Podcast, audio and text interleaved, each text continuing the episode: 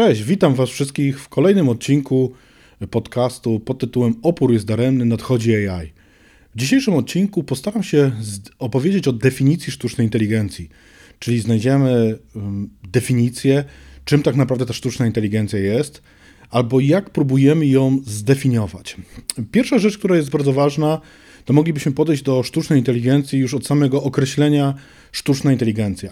Słowo sztuczne jeszcze jakoś możemy sobie wyobrazić, możemy sobie powiedzieć, że sztuczne jest przeciwieństwem do naturalnego. Staramy się znaleźć właśnie twór jakiś, który jest podobny czy wzorowany na czymś e, naturalnym, które gdzieś występuje. Słowo sztuczne opanowaliśmy. Co zrobić ze słowem inteligencja? Inteligencja sama w sobie jest o tyle trudna, że tak naprawdę nie umiemy jej zdefiniować. Nie ma jednej jednoznacznej definicji inteligencji, którą byśmy traktowali jako wyznacznik, Określenie inteligencja ma różne definicje. Różni badacze różnie to chcieli zdefiniować. Tych definicji jest bardzo dużo. Tak naprawdę też nie umiemy mierzyć tej inteligencji. Nie umiemy porównać dwie osoby, czy są bardziej, które jest bardziej inteligentne, które jest mniej inteligentne. Jeżeli patrzymy na człowieka, szczególnie młodego, który nagle zaczyna dobrze liczyć, mówimy, że jest inteligentny, czyli cechy obliczeniowe, przyporządkowujemy bardzo często inteligencji ale tak naprawdę zdolność liczenia nie jest inteligentna. To, że na kalkulator na, albo komputer jest w stanie obliczyć bardzo skomplikowane obliczenia dla dwóch liczb, nie mówimy, że on jest inteligentny. Czyli to, że w jaki sposób definiujemy inteligencję jest bardzo skomplikowanym tematem i ono tak naprawdę jest podwaliną tego, że trudno nam jest odnieść się, jak definicja sztucznej inteligencji powinna wyglądać. Następna rzecz jest bardzo ważna. Sama definicja sztucznej inteligencji w rozumieniu psychologów różnie była definiowana. Na przykład niejaki Howard Gardner zdefiniował tak naprawdę dziewięć wymiarów inteligencji. W 1983 roku została opublikowana taka jego publikacja, gdzie zdefiniował różnych dziewięć wymiarów, czyli każdy człowiek ma swój wymiar inteligencji w danym wymiarze na odpowiednim poziomie. I teraz my, chcąc zbudować maszynę myślącą, musielibyśmy się też do tego tak naprawdę odnosić. Jedna z pierwszych definicji sztucznej inteligencji i określenie w ogóle sztuczna inteligencja zostało zdefiniowana przez e, naukowca z Stanford University, e, Johna McCartneya. E, Johnny McCarthy był człowiekiem, który był współorganizatorem konferencji w Dartmouth i między innymi tam on występował i, i pierwszy raz pojawiło się określenie sztuczna inteligencja. Może nieszczęśliwe, bo ono w mojej ocenie negatywnie troszeczkę brzmi, buduje od razu pewien rodzaju dystans człowieka do, do takiego bytu, ale ono może też w jakiś sposób pokazuje tę taką nieokreśloność, która powoduje to, że staje się jeszcze bardziej ciekawa w zagłębianiu i poznawaniu. Ta sztuczna inteligencja w takiej definicji stricte podręcznikowej. Byśmy określili to, że to jest pewnego rodzaju gałąź nauk informatycznych, która ma służyć temu, żebyśmy opracowywali, rozwijali komputery w taki sposób, żeby były zdolne wykonywać zadania, które są domeną tak naprawdę ludzi. Zadania, które bardzo często wymagają właśnie naszej inteligencji, naszego myślenia, e, procesu takiego decyzyjnego. Czyli do tego miałyby służyć te algorytmy. Oczywiście taka jednoznaczna e, definicja sztucznej inteligencji nie występuje, bo bardzo wielokrotnie jest ona rozwijana też również o rzeczy związane że z dziedziną nauki, która poznaje tak naprawdę, bada naszego, nasze mechanizmy związane z inteligencją, czasami się też mówi z myśleniem, aczkolwiek taka definicja bardziej skręca w definicję kognitywistyki, o czym jeszcze za chwileczkę powiem. Sztuczna inteligencja ma też właśnie za zadanie modelowanie i konstruowanie tak naprawdę systemów, które by były w stanie zastępować właśnie człowieka w procesach decyzyjnych, w procesach planistycznych, w procesach optymalizacyjnych, jeśli chodzi o takie działania. E, jeśli chodzi o o te systemy, które właśnie naśladują ludzi, e, głównie chodzi o to, żeby one potrafiły się uczyć, żeby potrafiły wyciągać jakieś wnioski, konsekwencje, dążyć do pewnych działań i jakie rzeczy realizować. E, jest też taka definicja, która mówi, że e, sztuczna inteligencja jest to zdolność maszyn do, do wykazywania ludzkich cech związanych z takimi rzeczami jak rozumowanie, uczenie się, planowanie, kreatywność. Niestety te wszystkie rzeczy nie są takie łatwe, jakbyśmy sobie o nich chcieli e, bardziej szczegółowo porozmawiać. E, samo rozumowanie i definicja, czym jest rozumowanie i myślenie, jest trudne do określenia. Jakbyśmy sobie poszli w temat kreatywności, zresztą bardzo fajny temat, o którym chciałbym jeszcze też właśnie porozmawiać, e, bardzo kontrowersyjny też z perspektywy tego, czy sztuczna inteligencja jest kreatywna, czy nie jest kreatywna, to właśnie zagadnienie kreatywności jest bardzo trudne jako parametr, który byśmy miała sprostać ta sztuczna inteligencja w takim rozumieniu. Biorąc pod uwagę sztuczną inteligencję, rozwój jej historyczny, e, o czym też wielokrotnie opowiadałem, będę opowiadać, e, związany ze sztuczną inteligencją. Sztuczna inteligencja początkowo była nazywana jako jedna sztuczna inteligencja. Z czasem mamy do czynienia z różnymi określeniami. Z angielskiego to się nazywa narrow albo weak, e, albo general, super. Inaczej po polsku byśmy powiedzieli, że mamy do czynienia z sztuczną inteligencją, która jest słaba albo taka pośrednia, mocna i superinteligencja, czyli są to inteligencje różne. Ta inteligencja taka słaba w takim rozumieniu, ona mogłaby być inaczej nazywana tak naprawdę inteligencją wyspecjalizowaną. Inteligencją wyspecjalizowaną, która jest bardzo dobra w jakichś czynnościach, czyli na przykład budujemy algorytm, który jest w stanie coś przewidzieć. Algorytm, który jest w stanie wychwycić jakąś anomalię. Algorytm, który jest w stanie rozpoznawać twarze. Algorytm, który jest w stanie y, otagować nam obraz. Zwróćcie Państwo uwagę, perfekcyjne algorytmy realizujące jakieś rzeczy, ale z perspektywy maszy maszyny uczącej, one potrafią tylko jedną czynność w sposób doskonały.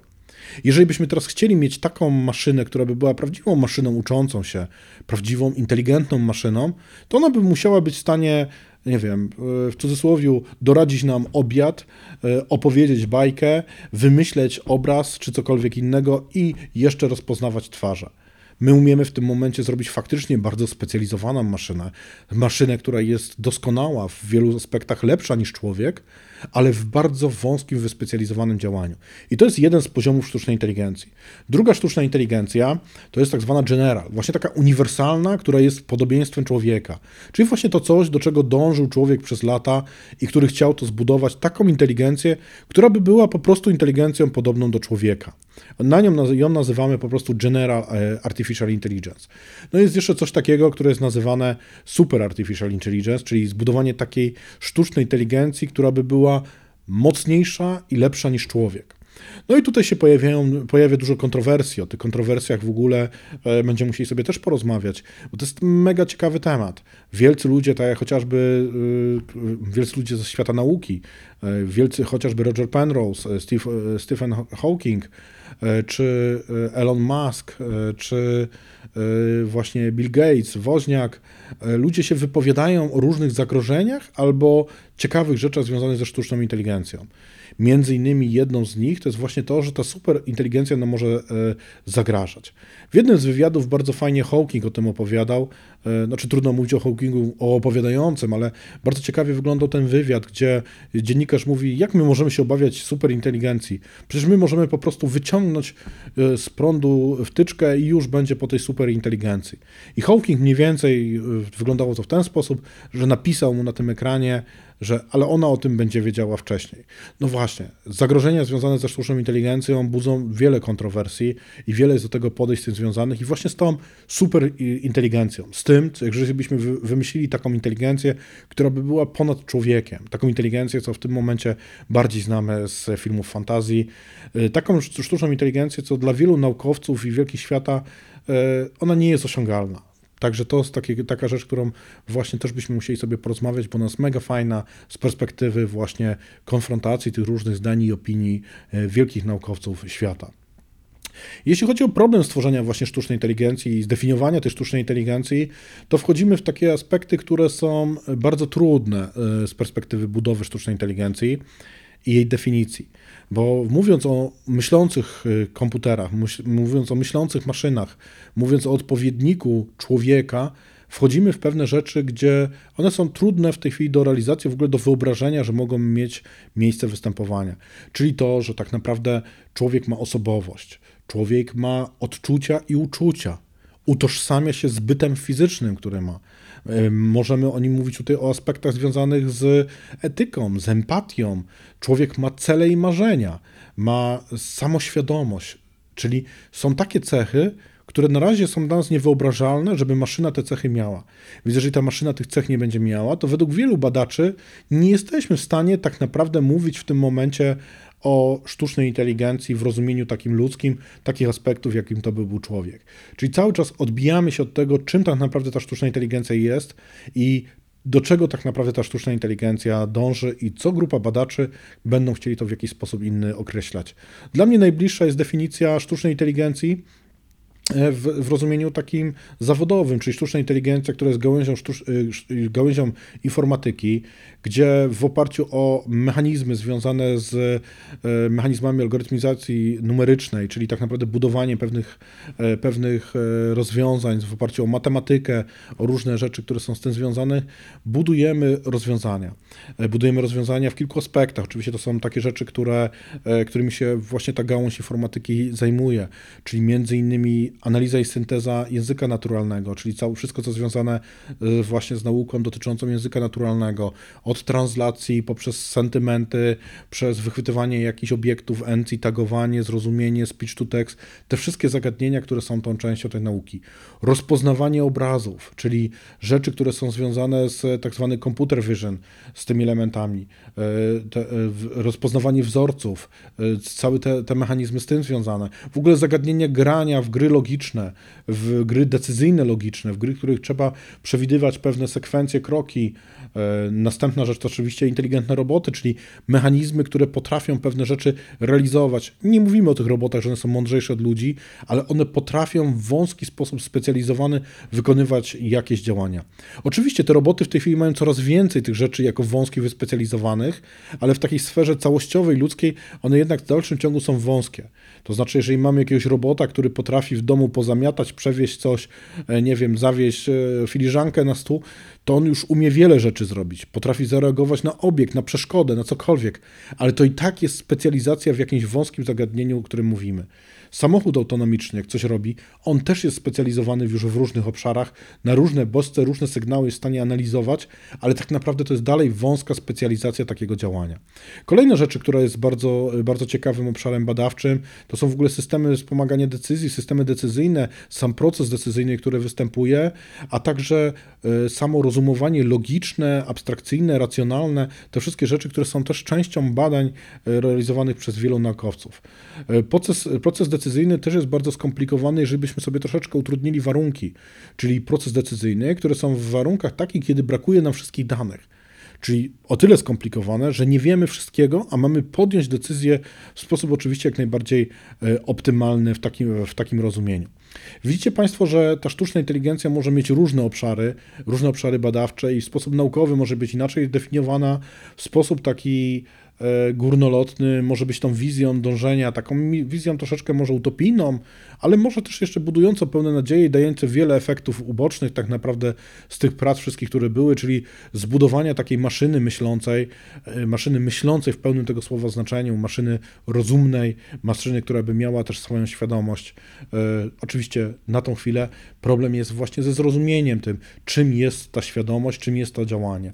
I tutaj z pomocą nam idzie kolejna gałąź nauki, nauki, która jest bardzo mocno związana ze sztuczną inteligencją. Ona w niektórych obszarach się krzyżuje, dla niektórych tak naprawdę e, mieszane to jest sztuczna inteligencja z, z tą gałęzią, tak samo jak sztuczna, y, sztuczna inteligencja, a uczenie maszynowe, które jest podzbiorem tak naprawdę sztucznej inteligencji, a przez wielu w obecnych czasach traktowany jako, jako tak naprawdę nau, ta, ta część główna tej nauki związana z, z, z działaniem. Oczywiście deep learning w tym momencie cieszy się wielką popularnością, ale trzeba pamiętać o tym, że deep learning nie adresuje wszystkich problemów, że deep learning nie zrealizuje wszystkiego, co byśmy chcieli i deep learning ma fajne efekty w jakichś konkretnych specjalizacjach, z którymi mamy do czynienia. Czym jest ten deep learning i to uczenie głębokie?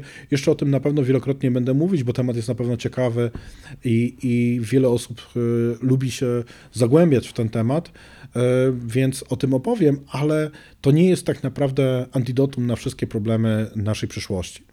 Kolejna rzecz właśnie bardzo ważna to jest to, że mamy do czynienia z kognitywistyką, czyli z tą nauką, która jest związana z bardzo fajnymi rzeczami, czyli z tym, z naszym umysłem, z procesem poznawczym, z reprezentacją, z komunikacją, z językiem, z informacją, ale językiem tym mówionym, tym, co my przekazujemy za wiedzę, za informacje w tym języku, jak my to rozumiemy, jak my to pamiętamy, jak my to rozpoznajemy, jak działa tak naprawdę nasz mózg, jak można go, e, cały ten proces umysłowo-poznawczy, w jaki sposób on, e, on funkcjonuje.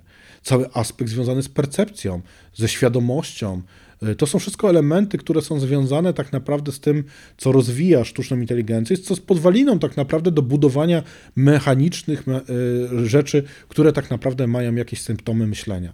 Bo jeżeli my dopiero zrozumiemy mózg, zrozumiemy proces, który się toczy tak naprawdę, jeżeli my podujemy, podejmiemy jakąś decyzję, jak mamy jakieś problemy, w jaki sposób je rozwiązujemy, czym jest inteligencja, jak wygląda proces komunikacyjny, jak my to wszystko ułożymy sobie dopiero i te aspekty poznawcze dopiero zrozumiemy, to wtedy jesteśmy w stanie budować tak naprawdę tą sztuczną inteligencję. Dlatego kognitywistyka jako druga gałąź nauki, która łączy tak naprawdę, tak jak sztuczna inteligencja, pokazałem to już nieraz i pewnie będę wielokrotnie pokazywać, łączy tak naprawdę wiele nauk w jedno, bo mamy i matematykę, i elektronikę, i cała nauka związana z komputerami, rzeczy związane z algorytmiką, y, całe mechanizmy statystyczne, podejścia statystyczne wynikające z rachunku prawdopodobieństwa, rozwój oczywiście technologiczny, to wszystko versus to, co tworzy kognitywistyka. Kognitywistyka to jest psychologia, to jest biologia, to jest to, jakie procesy się toczą tak naprawdę w naszym mózgu, jak ten mózg nasz działa, co się dzieje, że tak naprawdę my jesteśmy w stanie się uczyć, y, co, jest, co się dzieje, że tak naprawdę my jesteśmy w stanie poznawać coś, jak działają te nasze mechanizmy poznawcze, to jest, to, to jest tak naprawdę podwalina tego, jak by mogła działać maszyna. A właśnie wchodząc w sztuczną inteligencję, wykorzystując tą sztuczną inteligencję, zaczynamy zastępować człowieka właśnie w tych obszarach, w obszarach komunikacyjno-poznawczych, w obszarach myślowych, w obszarach decyzyjnych. Czyli tu są te miejsca, gdzie staramy się to zrealizować. Kolejny aspekt, o którym będę mówić na pewno w którymś odcinku, to jest aspekt tak naprawdę wykorzystania sztucznej inteligencji razem z bioinformatyką, y, przepraszam, razem z biogenetyką, z y, biotechnologią. Czyli mamy elementy, gdzie sztuczna inteligencja będzie wykorzystywana w korelacji z działaniem z człowiekiem. I to jest bardzo ważny element, gdzie my, jak zrozumiemy, jak działają pewne mechanizmy związane z, z, z znaczy kognitywistyczne czy poznawcze, no to wówczas będziemy mogli lepiej tak naprawdę zbudować elementy, które są z tym zintegrowane. Kognitywistyka jest na tyle ciekawym obszarem nauki, bardzo mocno powiązanej ze sztuczną inteligencją, że na pewno w jakichś kolejnych odcinkach wrócimy do tych tematów. E, pewnie poruszę też e, jakieś wątki ciekawych prac, które publikował profesor Duch z Torunia, który zajmuje się bardzo mocno kognitywistyką i naprawdę fajne, ciekawe rzeczy robi, które no, wydają się wręcz abstrakcyjne, a w tym momencie świat nauki jest w stanie zrealizować. E, na koniec dzisiejszego odcinka jeszcze chciałem przytoczyć e, właściwie argumenty Penrose'a. Penrose jest osobą mm, dla mnie bardzo ważną z tego powodu, że y, do tej pory wspominam pierwsze książki, które przeczytałem o takiej sztucznej inteligencji, które mnie popchnęły właśnie w obszary nie stricte informatyczne i tak jak wcześniej patrzyłem na data mining, na rzeczy, które są związane z analizą, z przetwarzaniem, z budowaniem właśnie komputerów, rozwojem komputerów, co mnie na początku zafascynowało, to y, na początku myślę, roku około 2000-2001 spotkałem się z książką e, Nowy umysł cesarza i cienie umysłu, bo to chyba było rok później, książki Rogera Penrose'a, człowieka, który tak naprawdę bardzo mocno się udzielał, mimo to, że to jest fizyk, ciekawe rzeczy robiący, publikujący fajne książki też z obszaru fizyki, e, który zresztą za swoje prace związane z fizyką dostał Nagrodę Nobla, on też napisał świetne książki o tym, czym jest mózg i czy my jesteśmy w stanie tak naprawdę ten mózg stworzyć. I tak naprawdę on, on wykorzystując tak naprawdę twierdzenie Gödla o niezupełności systemów formalnych, pokazuje nam, że nie można wyjaśnić w, w, kategoriach czysto mechanicznych działania naszego mózgu. I to jest bardzo ważny taki paradygmat, który on pokazuje, y, w jaką stronę musi iść ta nauka, i jak, jak skomplikowane jest tak naprawdę zdefiniowanie procesów związanych z mózgiem.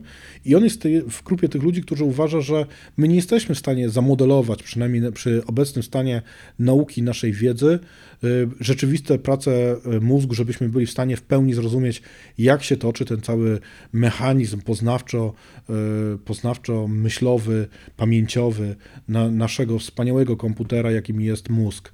Mózg, który tak naprawdę Y, potrafi robić niesamowitą ilość obliczeń, nieporównywalną do żadnych komputerów obecnie istniejących, y, równocześnie zarządzających wieloma procesami, a przy tym jest bardzo mało energetycznie kosztownym. Różnice pomiędzy wielkimi komputerami, które wielkie gigawaty prądu tak naprawdę zużywają, dodatkowo procesy chłodzenia i różne rzeczy się toczą, to przetwarzanie, praca, koszty związane z mózgiem, mimo to, że on energetycznie jest jednym z trudniejszych naszych organów, to i tak i tak to jest niewielka praca, niewielka ilość mocy na poziomie 20 watów na procesy myślowe.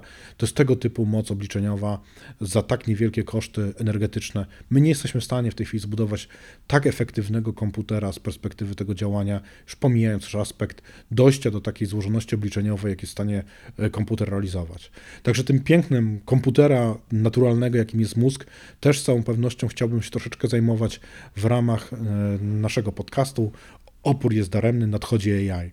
Zapraszam wszystkich do śledzenia y, tak naprawdę y, fanpage'a związanego z, z tym podcastem, tak żeby ten podcast był nasz wspólny, żebyście inspirowali jakimiś kolejnymi odcinkami czy tematami, które warto zwrócić uwagę w pierwszej kolejności, ewentualnie wdali się w dyskusję, podzielili się jakimiś ciekawymi informacjami. Dlatego zachęcam do śledzenia fanpage'a Łukasz Grala Podcast na portalu społecznościowym Facebook, śledzenia mm, tego podcastu na wszystkich znanych portalach podcastowych, z których lubicie korzystać, czy też oglądania na YouTubie. E, zachęcam do subskrypcji. E, dzięki za wysłuchanie. Polecam w, zagłębić się w obszary związane z mózgą, z historią, z definicją sztucznej inteligencji i do kolejnego odcinku. Do usłyszenia.